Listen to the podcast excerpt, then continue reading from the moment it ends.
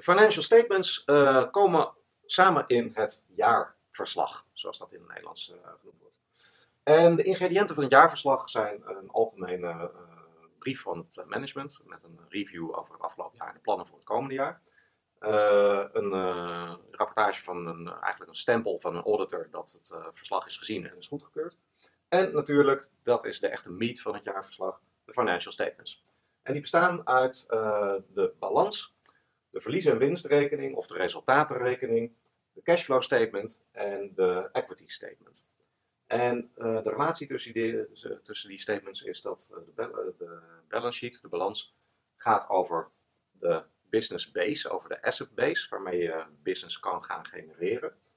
De verlies- en winstrekening, oftewel de resultatenrekening, gaat over economische gebeurtenissen, opgeteld in een bepaalde uh, periode, meestal een jaar. De cashflow statement gaat over gebeurtenissen ten aanzien van geld. En de equity statement gaat over resultaatbeslissingen.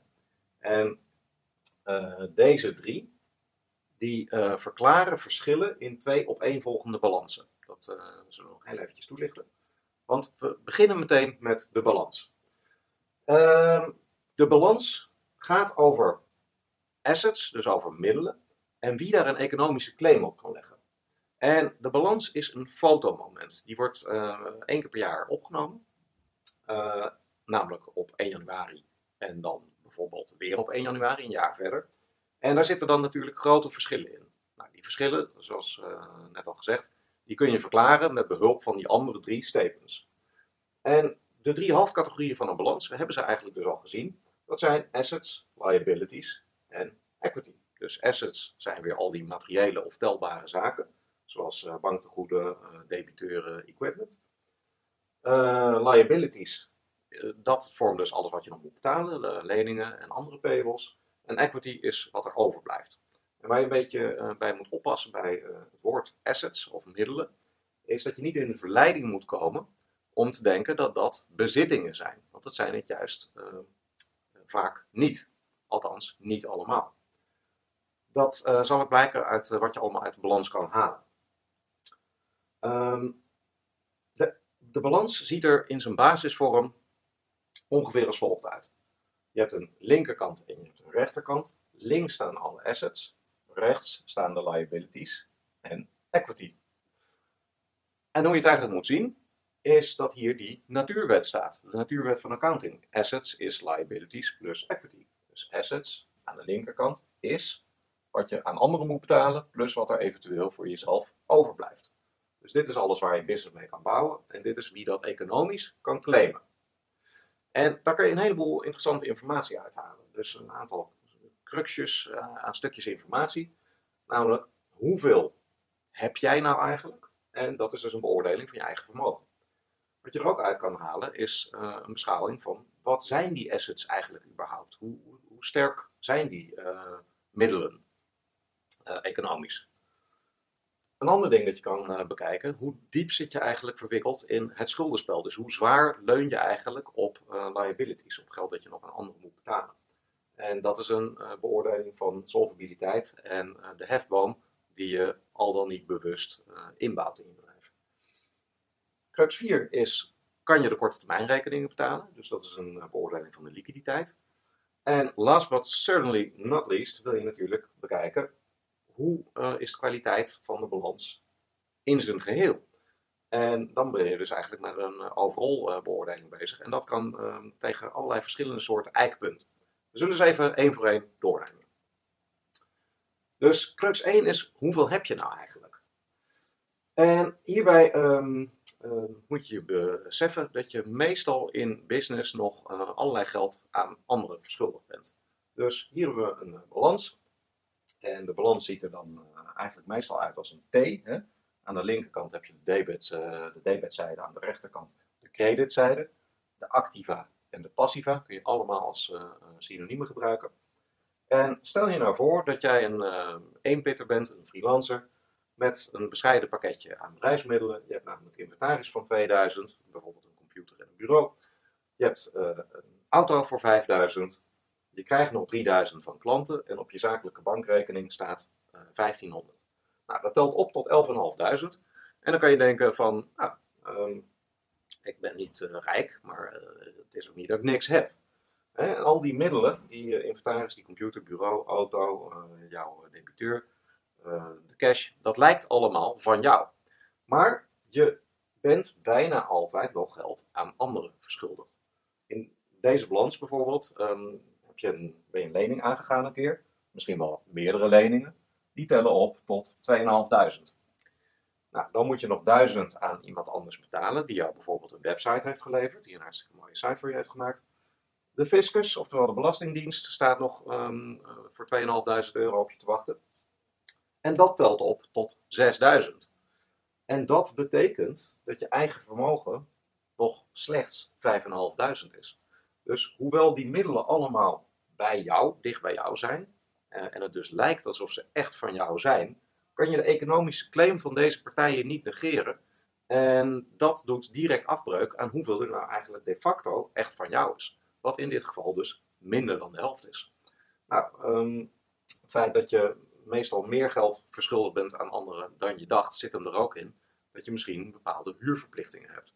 Eh, of dat je misschien bepaalde abonnementen hebt. Nou, dat, eh, dat zijn allemaal gelden ehm, die ook vallen in het, eh, in het vakje payables. Dus dat zijn allerlei dingen waar je rekening mee moet houden bij het eh, beschouwen van hoeveel jij nou eigenlijk hebt.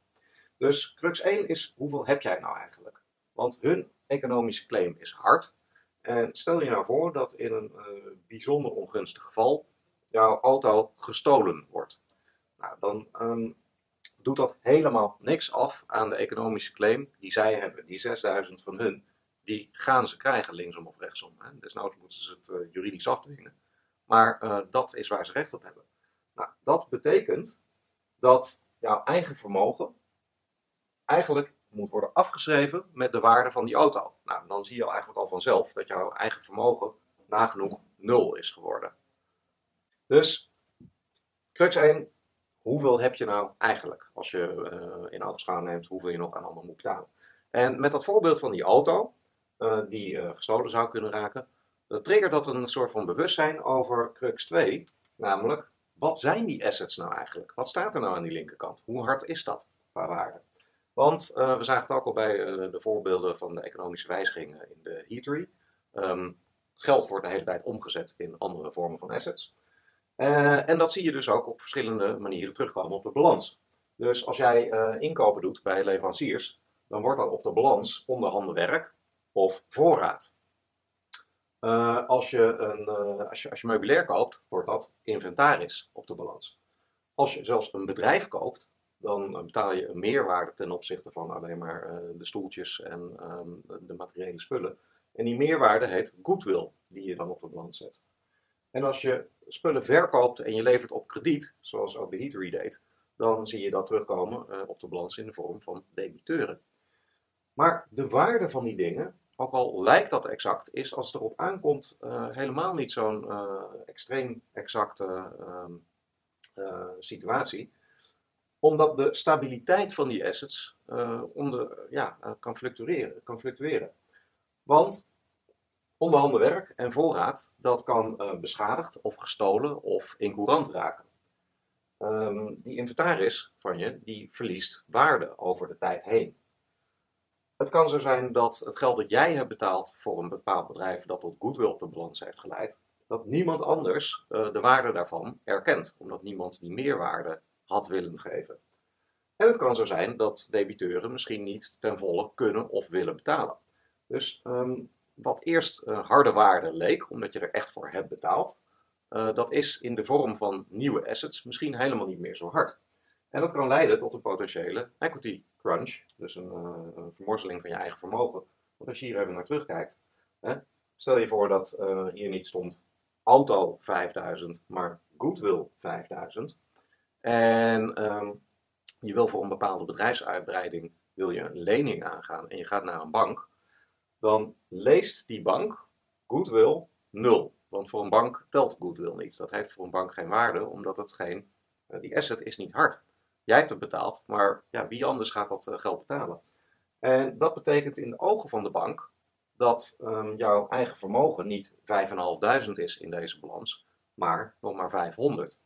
Nou, uh, ja, dat is dus tegen die tijd nihil ten opzichte van het balans totaal. die is dan natuurlijk niet 11.500, maar 6.500. Maar eigen vermogen is nog maar 500. Dus uh, crux 2 is wat, is, wat zijn de assets nou eigenlijk en wat is de waarde daarvan? Nou, als je dat verder wil uh, bestuderen, dan moet je uh, zoeken naar afschrijvingsmethoden en waarderingsmethoden. Dus dat is het tweede dingetje dat je uit, balans, uit balans kan halen. Derde ding dat je uit een balans kan halen is een beschouwing van hoe diep je eigenlijk in het schuldenspel zit. Dat behoeft even de nodige uitleg. Want je intuïtie zegt geen schulden is goed. Ja? Dus laten we voor nul schuld gaan. Alle assets moeten eigenlijk equity zijn, eigen vermogen. Dus geen schulden, we gaan die lijn van equity uh, helemaal naar boven bewegen, zodanig dat er uiteindelijk komt te staan: middelen is eigen vermogen. Maar die, uh, die vermijding van schuld, die kan helemaal omdraaien als je bijvoorbeeld wil uitbreiden uh, met je bedrijf. En je hebt daar niet zelf de middelen voor om die bedrijfsuitbreiding te financieren. En als de, het winstpercentage hoger is dan het rentepercentage dat je moet betalen. Want heel tegen intuïtief wordt het hebben van schulden dan in één klap aantrekkelijk. Klein voorbeeldje kan dat uh, versimpelen. Um, stel je voor, um, jij zit op de situatie van assets is equity, dus alles is eigen vermogen.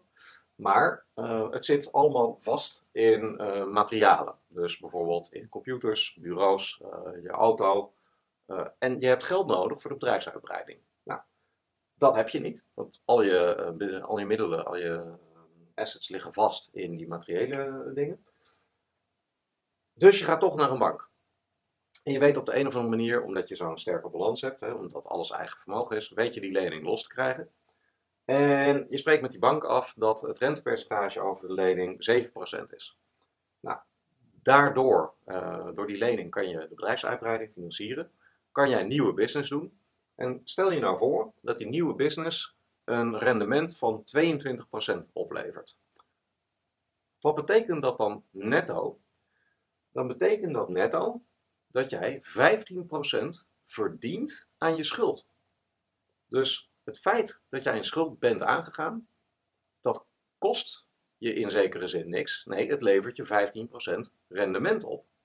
Dat is dus het hefboom-effect, uh, waar je gebruik van uh, kan gaan maken. En als je dat inzicht hebt, dan zou die tegenintuïtiviteit misschien wel eens een keertje helemaal kunnen omdraaien. Dan kan je dat effect misschien willen maximaliseren. En dan ga je denken van, hé, hey, die lijn van equity moet niet helemaal naar boven, Nee, die lijn moet zo ver mogelijk naar beneden, om dat hefboomeffect zo sterk mogelijk te kunnen gebruiken. Dus zoveel mogelijk vreemd vermogen op je te laden, om daar zoveel mogelijk rendement op uh, te kunnen maken. Hè. Uh, tussenstap is natuurlijk dat je er ook daadwerkelijk business mee moet doen met dat vreemde vermogen. Uh, maar zolang je dat doet, dan kun je dus gebruik maken van dat hefboomeffect. En um, um, dit, dit gebeurt dus ook op grote schaal. Een uh, groot voorbeeld hiervan is de financiële sector. Dus alle banken, alle uh, verzekeraars, alle pensioenfondsen maken op grote schaal gebruik van dat hefboomeffect en proberen dat eigen vermogen zo sterk mogelijk omlaag te krijgen. ze proberen aan zoveel mogelijk vreemd vermogen te komen om daar business mee te kunnen doen, um, waarmee ze mooie rendementen kunnen halen. Neem nou een bank. Een bank heeft zo min mogelijk eigen vermogen en zoveel mogelijk vreemd vermogen. Nou, wat is nou dat vreemde vermogen? Ja, dat zijn bijvoorbeeld onze spaartegoeden die wij daar aanhouden. Nou, daar kan die bank uh, investeringen mee doen. Daar wordt rendement op gemaakt. En wat moeten zij betalen aan de kosten voor dat vreemd vermogen? Nou, dat is de spaarrente op onze uh, spaarrekeningen. Nou, we weten allemaal dat dat niet zo hoog is. En de rendementen die ze kunnen boeken met de business die zij doen, in de vorm van allerlei financiële participaties, wat dus assets worden op de balans, die leveren veel interessantere getallen op dan wat zij moeten betalen. Dus zij maken uh, gretig gebruik van dat hefboom-effect.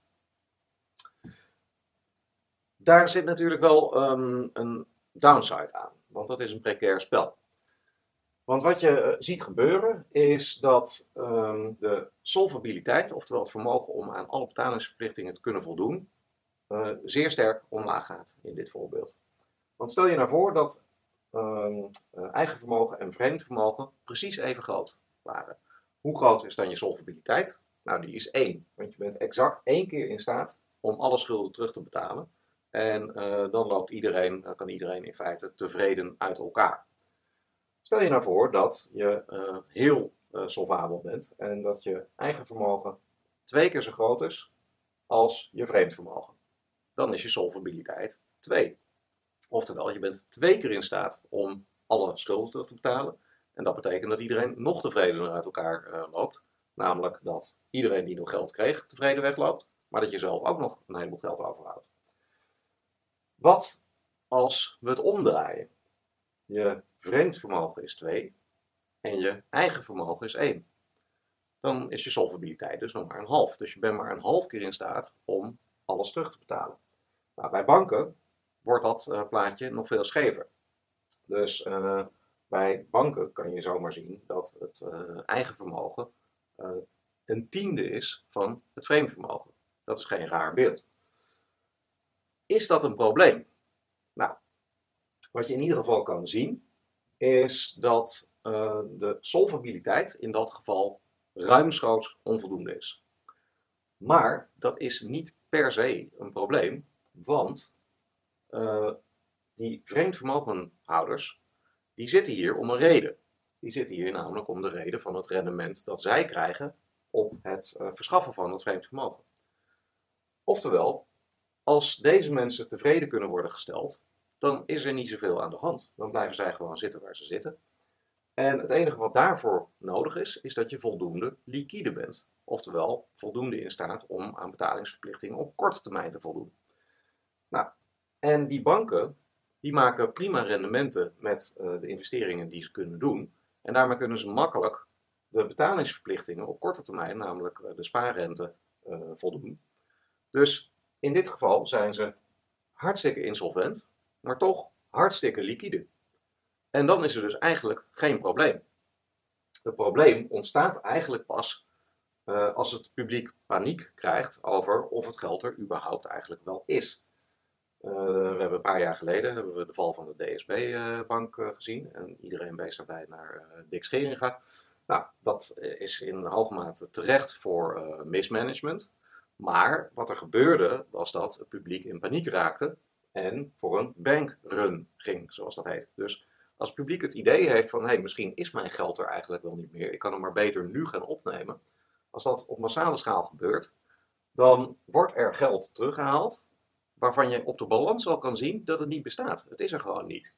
Het is alleen maar geen probleem als uh, de houders van het vreemd vermogen, als alle mensen met een spaarrekening, het geld daar gewoon durven laten staan. Daarom uh, is dit hele stelsel ook gebaseerd op het uh, fiducieel stelsel.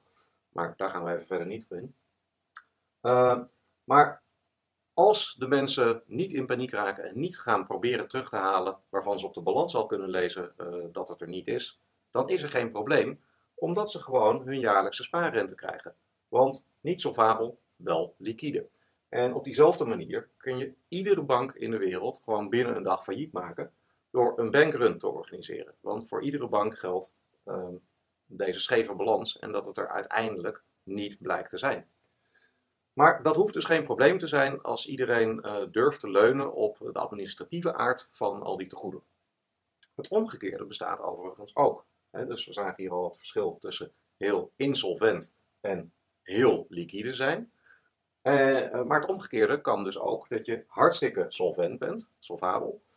Uh, als uh, je eigen vermogen bijvoorbeeld wel 4 is en je vreemd vermogen 1, nou dan is je solvabiliteit 4, 400 procent. Dus dat is heel erg hoog.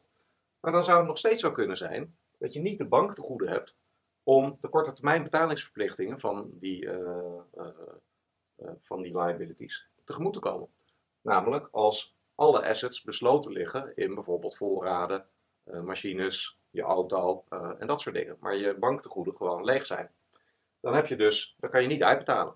Dus dan ben je hartstikke solvabel en hartstikke illiquide. Dus uh, op die manier kan je zien dat liquiditeit en solvabiliteit eigenlijk een complementair begrip paar vormen. nou, de mogelijkheid om dit spel van het hefboom-effect te kunnen maximaliseren, dat heeft iets te maken met het interne beleid over hoe je groeit, hoe stevig je wil groeien en hoe je die groei, wil uh, funden, wil financieren. En het heeft iets te maken met de externe mogelijkheden om überhaupt leningen te krijgen. En dat zit hem in, ja, zoals dat mooi heet, de debt capacity of assets. Dus dat haakt weer in op de vorige crux van de balans van wat zijn die assets nou eigenlijk? Hoe waardevast zijn die spullen die hier staan? En in het geval van banken gaat het dan om financiële participaties en andere soorten beleggingen die relatief waardevast zijn, omdat banken voor het grootste deel heel defensief beleggen. Dus, uh, dus hebben ze waardevaste assets en dan kan dat dus. Volgende crux is, kunnen de korte termijn rekeningen worden betaald? Nou, daarvoor moeten we een uitsplitsing maken in de uh, categorieën van een balans. En dan zie je dat er een onderscheid gemaakt kan worden tussen vaste activa en vlottende activa, zoals we dat in het Nederlands zeggen. Non-current en current assets. En die vlottende activa die, um, zijn binnen een termijn van ook weer een jaar uh, liquide te maken. Dus in geld om te zetten als het niet al geld is. Uh, aan de creditzijde, uh, oftewel passiva zijde, daar heb je behalve dus het eigen vermogen, heb je het vreemde vermogen. En dat kan je dus weer uitsplitsen in lang vreemd vermogen, non-current, en kort vreemd vermogen. Dat de, wat dus binnen een jaar moet worden betaald. Dus dat uh, kan gaan over uh, operational payables, dus bijvoorbeeld uh, werknemers en leveranciers die moeten worden betaald, leningen en transitorische posten. Nou, hiervoor geldt dat um, die vlottende activa bij voorkeur structureel groter zijn dan de vlottende passiva. Want als dit kleiner wordt dan dit, dan betekent dat dus dat de mogelijkheid om dit te kunnen terugbetalen op korte termijn precair wordt. Dus op die manier kan je uit de balans ook aflezen hoe liquide een uh, bedrijf is. Daarbij moet je wel eventjes bedenken dat een balans natuurlijk een, een fotomoment is. Dus dat het plaatje de dag erop eigenlijk weer anders in elkaar kan zitten. En dat je dus de dag erop weer meer of minder liquide kan zijn dan je dacht. Laatste ding uh, dat je uit een balans wil halen is wat de kwaliteit ervan overal is. En dat is misschien wel je allereerste interesse. Dus uh, we hebben nu vijf verschillende stukken informatie genoemd die je uit de balans kan halen. Maar welke je uh, als eerste wil zien, dat is natuurlijk aan jou. Nou, hoe kan je dat nou beoordelen? Ja, je kan de kwaliteit van de balans in zichzelf beoordelen. Bijvoorbeeld de gezondheid van de assets, zoals je die inschat.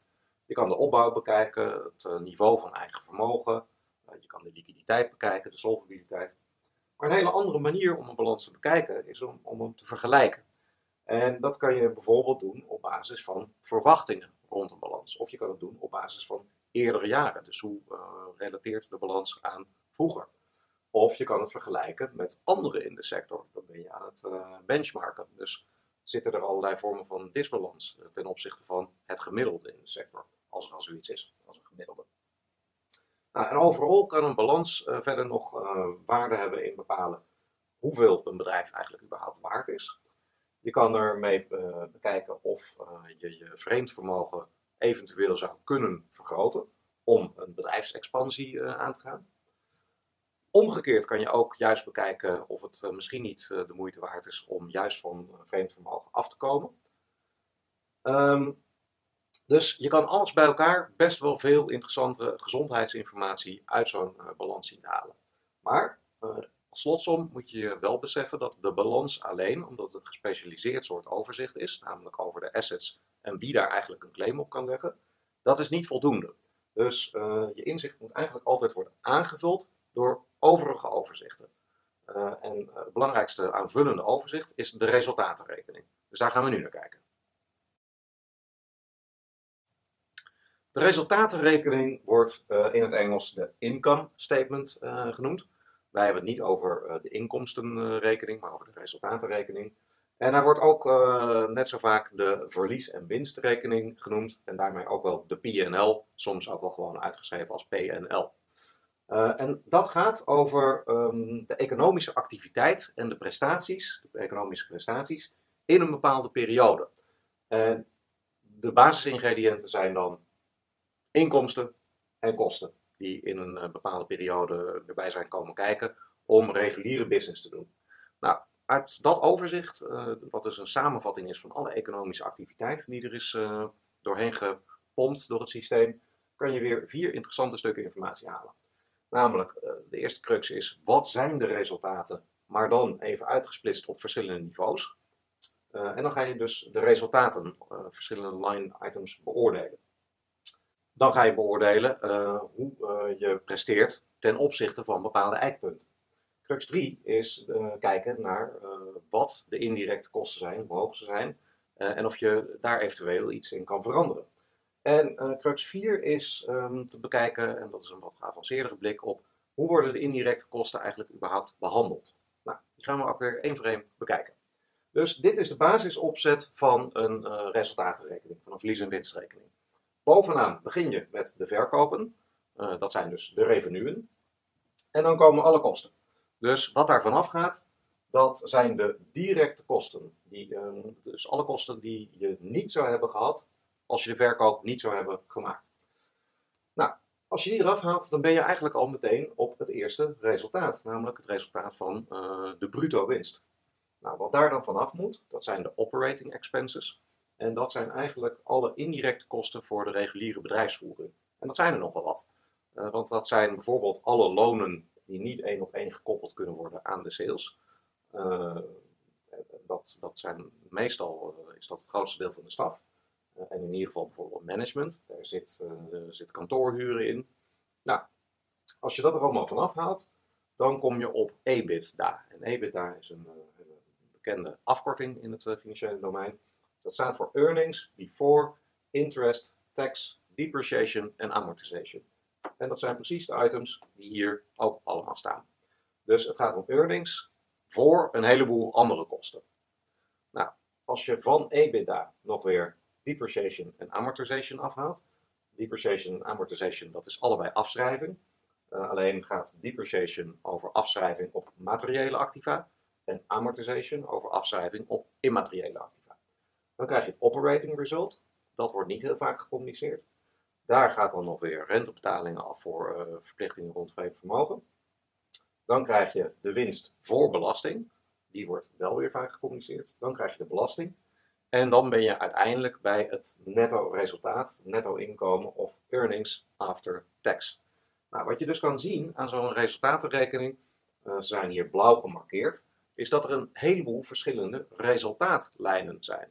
Dus wat je in de allereerste instantie moet afvragen als iemand een resultaat aan je communiceert, is welk resultaat eigenlijk überhaupt aan je gecommuniceerd wordt.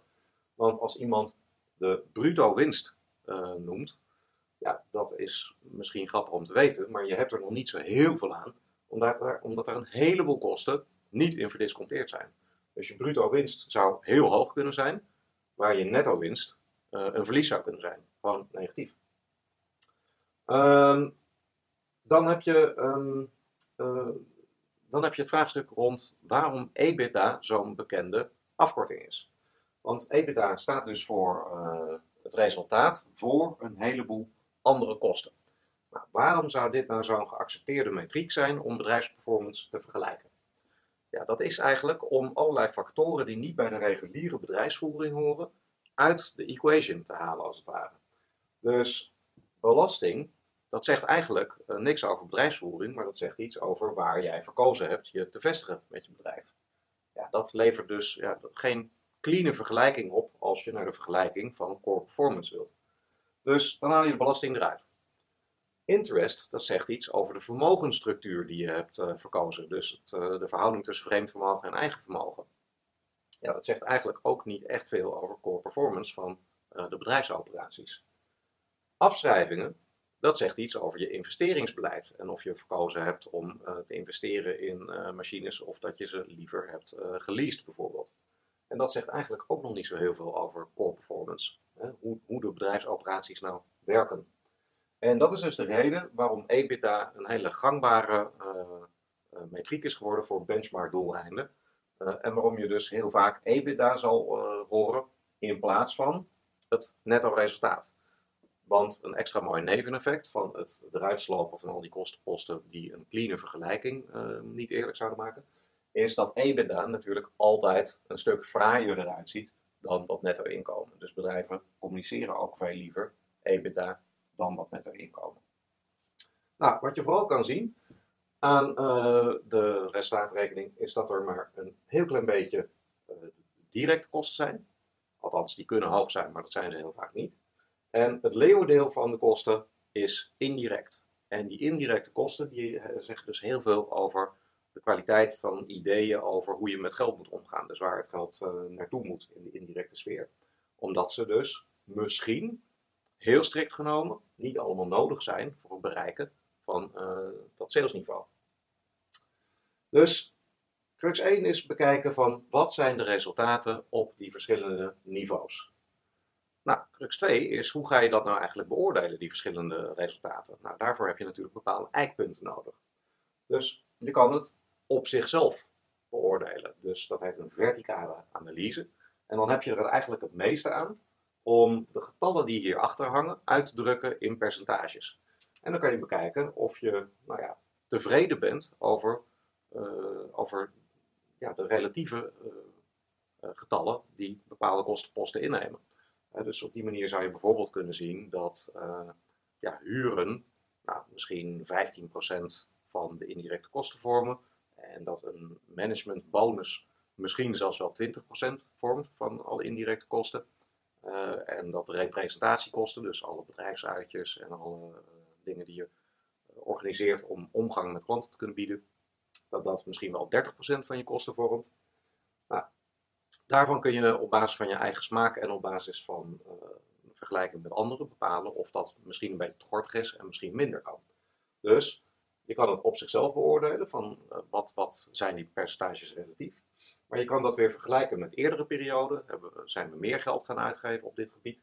of juist minder. Je kan het vergelijken met wat je gebudgeteerd had, dus dat zijn uh, normen. En je kan het vergelijken met anderen in de markt. Wat geven die zo'n beetje uit? Dat, uh, dat kan een mooi eikpunt vormen om bijvoorbeeld zelf te bekijken of je het een beetje minder aan kan doen. Dus dat is crux 2. Nou, crux 3 gaat daar weer op in. Namelijk hoe hoog en wat zijn die indirecte kosten nou eigenlijk? Dus daarbij duik je uh, de diepte in. Die indirecte kosten die komen in allerlei verschillende categorieën. En we zagen met name de uh, SGA, dat noemden we hier de Operating Expenses. Dit is een gigantische vergaarbak. Hè, want uh, hier zit kantoorhuur in, algemeen personeel, management met de bonussen, um, alle, ja, alles, alles wat je eigenlijk niet kan plaatsen onder direct gekoppeld aan de verkoop. En aangezien het meeste in een bedrijf gewoon gevestigd is, of er nou verkopen plaatsvinden of niet, valt het meeste hierin. Dus je wil daar een, een grote uitsplitsing van hebben. En dan wil je dus bekijken op basis van crux 2, hè, dus hoe, uh, hoe verhouden al die getallen zich tot elkaar, van wat is hier nou eigenlijk gewoon te gortig en te veel en wat kunnen we daaraan verminderen op basis van onze eigen normen of op basis van de benchmarks. En crux 4, dat is een um, wat uh, subtielere, uh, is dat je een oog zou kunnen willen werpen op hoe er met indirecte kosten wordt omgegaan. Want indirecte kosten, daar kan je op uh, twee manieren mee omgaan, want die moet je namelijk op de een of andere manier uitsmeren. Hè? Dus als je kijkt naar kosten-items, bijvoorbeeld uh, producten, dan heb je product A en product B. En product A heeft misschien wat directe kosten in de vorm van materialen die erin zijn gegaan. geldt ook voor B. En indirecte kosten, ja, dat zijn weer al die kosten voor de tuinman, voor het kantoorpand, voor management, voor weet ik veel wat. En die moet je op de een of andere manier uitsmeren over die kostenitems. Uh, en dat hoeft natuurlijk niet gelijkmatig. Daar kan je een bepaalde sleutel in zien te verdelen. Nou, heel algemeen kan je dus kosten uitsmeren in de tijd en in plaatsen. En in de tijd uitsmeren betekent dat je een deel van de kosten nu neemt en een deel in de toekomst. En dan krijg je te maken met afzijdingen. Uh, en je kan het dus ook proberen uit te smeren over verschillende kostendragers. En dat kan via verschillende vormen van sleutels. Dus dat kan als het gaat over um, uitsplitsen over verschillende bedrijfsonderdelen, als je een heel groot eh, bedrijf bent. Dan kan je zeggen van nou, uh, op grond van de grootte van dit bedrijfsonderdeel besluiten we, en de grootte kan je dan bijvoorbeeld meten in termen van aantallen FTE, besluiten we zoveel procent van de indirecte kosten aan jullie toe te kennen. of op basis van de economische activiteit. Dus een percentage van de omzet ten opzichte van het geheel. Of een percentage van de winst ten opzichte van het geheel. Uh, of de mate waarin er daadwerkelijk gebruik gemaakt wordt van indirecte kosten. Dus die, die versleuteling, dat is eigenlijk geen exacte wetenschap, dat is gewoon een managementkeuze. En dat verschil kan heel belangrijk worden, want het verschil kan bepalen of zo'n um, of zo'n bedrijfsonderdeel eigenlijk winstgevend is of juist niet. En dat, dat wil nog wel eens tot wat strijd leiden tussen lokale vestigingen en het, het hoofdkwartier, de headquarter omdat zo'n lokale vestiging simpelweg te dealen krijgt met een opgelegde cross-charge, zoals dat dan heet. En die moet dat eigenlijk gewoon maar voor zijn rekening nemen als algemene kosten. Uh, terwijl zij het gevoel hebben dat ze ja, daar niet zoveel mee te maken hebben en dat ze zelf goed presteren. Dus dat vergt een wat verfijndere blik op de profit en loss. En dat zijn dus de vier dingen die je uit de resultatenrekening kan halen. Als derde in de jaarstukken hebben we de equity statement, oftewel de statement van retained earnings. Eigen vermogen, oftewel datgene wat uh, de eigenaren hebben, dat kan op twee manieren toenemen. Namelijk uh, enerzijds als ze er zelf aan bijdragen, dus zoals de Heat deed door van de privérekening op de zakelijke rekening te storten. Dan heb je contributed capital. En door spullen te verkopen. Dat, um, dat eigen vermogen dat kan weer omlaag door onttrekkingen van het bedrijf. Dat zag je ook bij de Heatery, dat die Mike een uh, dividend van 1000 aan zichzelf uitkeerde. Dus dat is een onttrekking uit het bedrijf. En door um, uh, spullen te betalen voor die verkopen, de kosten die uh, gemaakt moesten worden. En de netto balans daarvan is dan het bijgedragen kapitaal plus de behouden inkomsten. Dus datgene wat niet is uitbetaald aan kosten of is ontrokken. En die equity statement die um, borduurt voort op de bottom line van de resultatenrekening. Dus helemaal onderaan de streep had je uh, het netto resultaat na belasting, dus net income of uh, earnings after tax. En ten aanzien daarvan moet je natuurlijk een beslissing maken van wat gaan we daarmee doen. Nou, heel ruwweg kan je twee dingen doen met uh, je resultaat. Je kan het gedeeltelijk uitkeren aan de eigenaren en dan heet het dividend. En dat is een soort van beloning, een instant genoegdoening voor het aanhouden van een aandeel in het bedrijf. Maar je kan ook besluiten om het deels in het bedrijf te laten. En dan heet het retained. Dus dan wordt het retained earnings, behouden earnings. En dat doe je bijvoorbeeld om um, te kunnen herinvesteren wat je binnen het bedrijf houdt, om nieuwe business mee te maken. Of om uh, je, de stand van je eigen vermogen gezonder te maken, dat uh, groter te maken, om bijvoorbeeld uh, meer solvabiliteit op te bouwen. Nou, die equity statement die geeft dat dus aan, wat de resultaatbeslissingen zijn. En die zit relatief simpel in elkaar. Uh, je opent met de laatste stand van het eigen vermogen die je uh, uit de balans, de slotbalans kan aflezen. Wat je daarbij doet is uh, dat net inkomen, dus de laatste regel van de resultatenrekening. Dus dat is de, de echte bottom line van de profit en loss. Wat je daar afhaalt is wat je aan dividend hebt uitgekeerd aan de aandeelhouders. En ja, dan hou je vanzelf eigenlijk uh, de nieuwe stand van het uh, eigen vermogen over. Dus uh, dat leidt dan tot nou ja, de, de, de, de, afsluitende balans, wat de nieuwe stand is van het eigen vermogen. Dus dat zit redelijk recht, toe, recht aan in elkaar. Dit wil er in het echt, met name bij grotere bedrijven, nog wat complexer uitzien. Maar dat, die complexiteit die zit hem eigenlijk alleen maar in uitsplitsingen van al die verschillende categorieën. Dus uh, eigenlijk komt het uh, erop neer dat uh, het nieuwe eigen vermogen is het oude eigen vermogen plus de bottom line resultaten min wat je er weer aan hebt ontrokken. Dat is eigenlijk alles wat er te zeggen is over de equity statement. Dan hebben we tot slot hebben we nog de cashflow statement. En de cashflow statement haakt erop in dat um, geld dat er in en uit gaat niet hetzelfde is als resultaten en kosten. Dus die lopen soms wel uh, gelijk met elkaar, maar soms niet. Dus ze lopen niet altijd met elkaar in pas. En um, twee simpele voorbeelden daarvan. Nou, voorbeeld 1 is, uh, je gaat een lening aan. Heb je dan geld op je bankrekening gekregen? Ja. Heb je dan inkomen? Absoluut niet, want je mag het niet als resultaat boeken. Omgekeerde voorbeeld is uh, iets verkopen op krediet. Dus je levert het alvast en degene aan wie het verkoopt hoeft pas later te betalen. Heb je dan inkomen? Ja, want je boekt het als een uh, verkoop en daarmee als een impliciet resultaat in de boeken. Heb je daarmee geld? Nee. Dus dit zijn twee mooie, simpele voorbeelden die iedereen eh, herkent. Dat binnenkomend geld en uitgaand geld niet hetzelfde is als inkomen en kosten. Nou, en dat verschil dat kan nogal uh, kritiek worden. Het kan zelfs zo kritiek worden dat een bedrijf winstgevend op papier lijkt, maar in de, in de praktijk gewoon niet het geld heeft om bijvoorbeeld uh, werknemers en leveranciers te betalen om de ja, snel groeiende business te kunnen bekostigen. Dus dit, dit komt heel vaak voor bij snel groeiende bedrijven, kleinere bedrijven. Die moeten veel investeren om de groei te kunnen financieren. Die hebben vaak ook hele coulante betalingstermijnen naar de leveranciers. Dus veel verkoop op krediet. Dus de debiteurenstanden zijn heel hoog. Ondertussen wordt er, uh, worden er nieuwe mensen aangenomen, worden er allerlei nieuwe materialen en andere vormen van suppliers binnengehaald. En die moeten natuurlijk op hele korte termijn betaald worden. Eigenlijk bijna altijd binnen de termijn van een maand.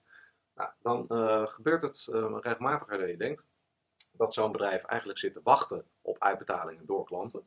Maar dat komt, dat komt om allerlei redenen maar niet. En ondertussen worden deze uh, partijen uh, worden nerveuzer. En die beginnen op een gegeven moment te zeggen, en dat is dus al betrekkelijk snel, omdat zij hun eigen betalingsverplichten ook hebben. Want ja, die werknemers, die moeten boodschappen kunnen doen, die moeten hun huur kunnen betalen.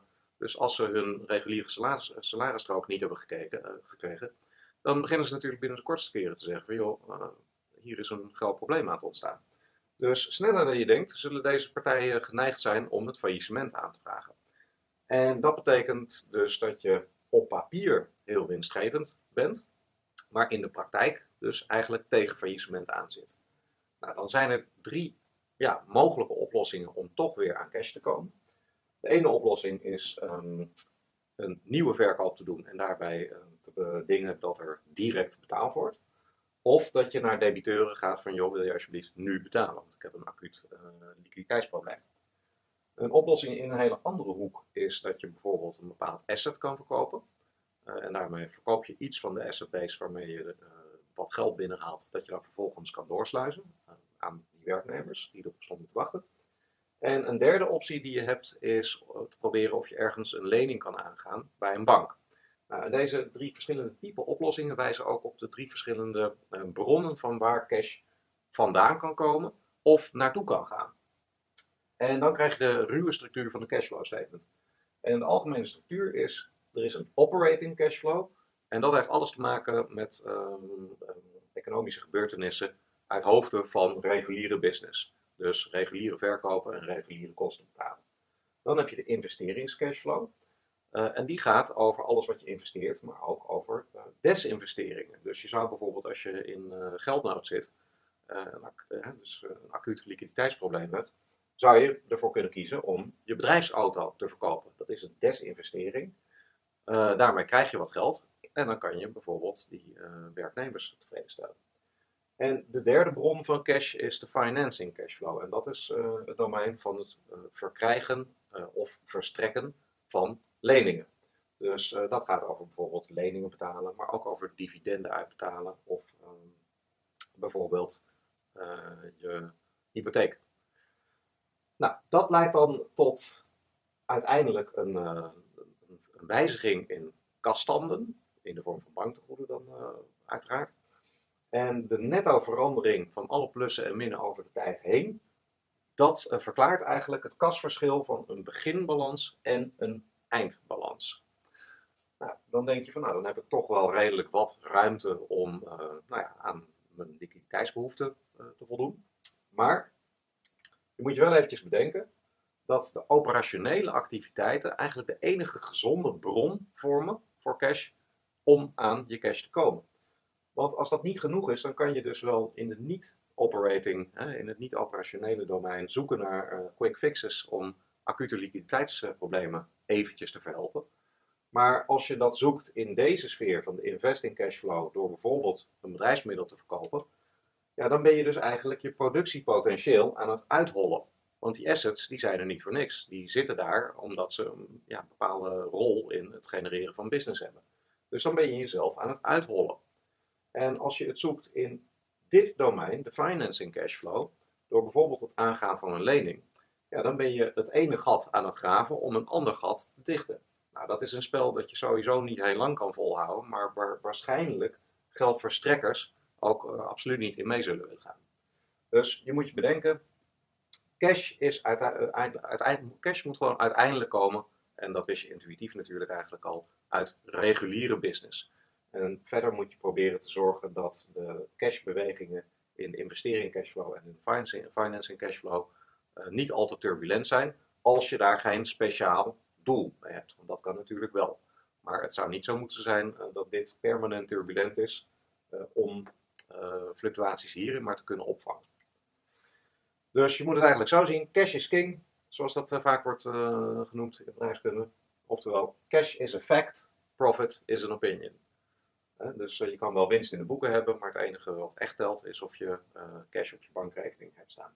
Dus winst is weliswaar een must-have voor toekomstperspectief, maar cash is een must-have voor stabiliteit in het heden. Dus um, dat is een, een, aanvullend stuk inzicht in het totale economische plaatje over in- en uitgaande geldstromen en tot welke cashmutatie dat uh, over een periode van een jaar heeft geleid. Nou, alles samengevat hebben we dan dus de balans, de verlies- en winstrekening of de resultatenrekening, de equity statement en de cashflow statement gehad. En uh, daarbij, uh, helemaal aan het begin zeiden we al, helpen deze drie om de verschillen tussen balans 1 en balans 2 uit te detailleren. En hoe je dat een beetje kan voorstellen, als we teruggaan naar uh, het overzicht dat Mike van de Heatery had gemaakt, dan heb je hier zijn double entry bookkeeping registratie van die zes economische gebeurtenissen. Dit was de opeenvolgende reeks van gebeurtenissen. Dus dit is de peri periodeoverzicht. En per regel heb je een momentoverzicht. Nou, als je de bovenste lijn omcirkelt, dan heb je het eerste moment. Uh, en dat is de openingsbalans geweest. Dan zijn er uh, allerlei dingen in de geldsfeer gebeurd. En die zijn allemaal terug te vinden in de cashflow statement. Uh, dan zijn er dingen in de uh, business sfeer gebeurd. En die vind je terug in de profit en loss. In de vorm van inkomsten en kosten. En er zijn dingen in de resultaatbeslissingssfeer gebeurd. Omdat hij zichzelf een dividend heeft uitgekeerd. En dat lees je terug in de equity statement. En dat leidt dan alles bij elkaar tot een bepaalde slotbalans. Nou, en je kan dus zien dat er een heel groot verschil zit tussen de openingsbalans en de slotbalans. En die verschillen die kan je dus eigenlijk niet begrijpen zonder die drie aanvullende stukken informatie die daartoe uh, speciaal zijn uh, geprepareerd. En dat is het geheel van Financial Statements.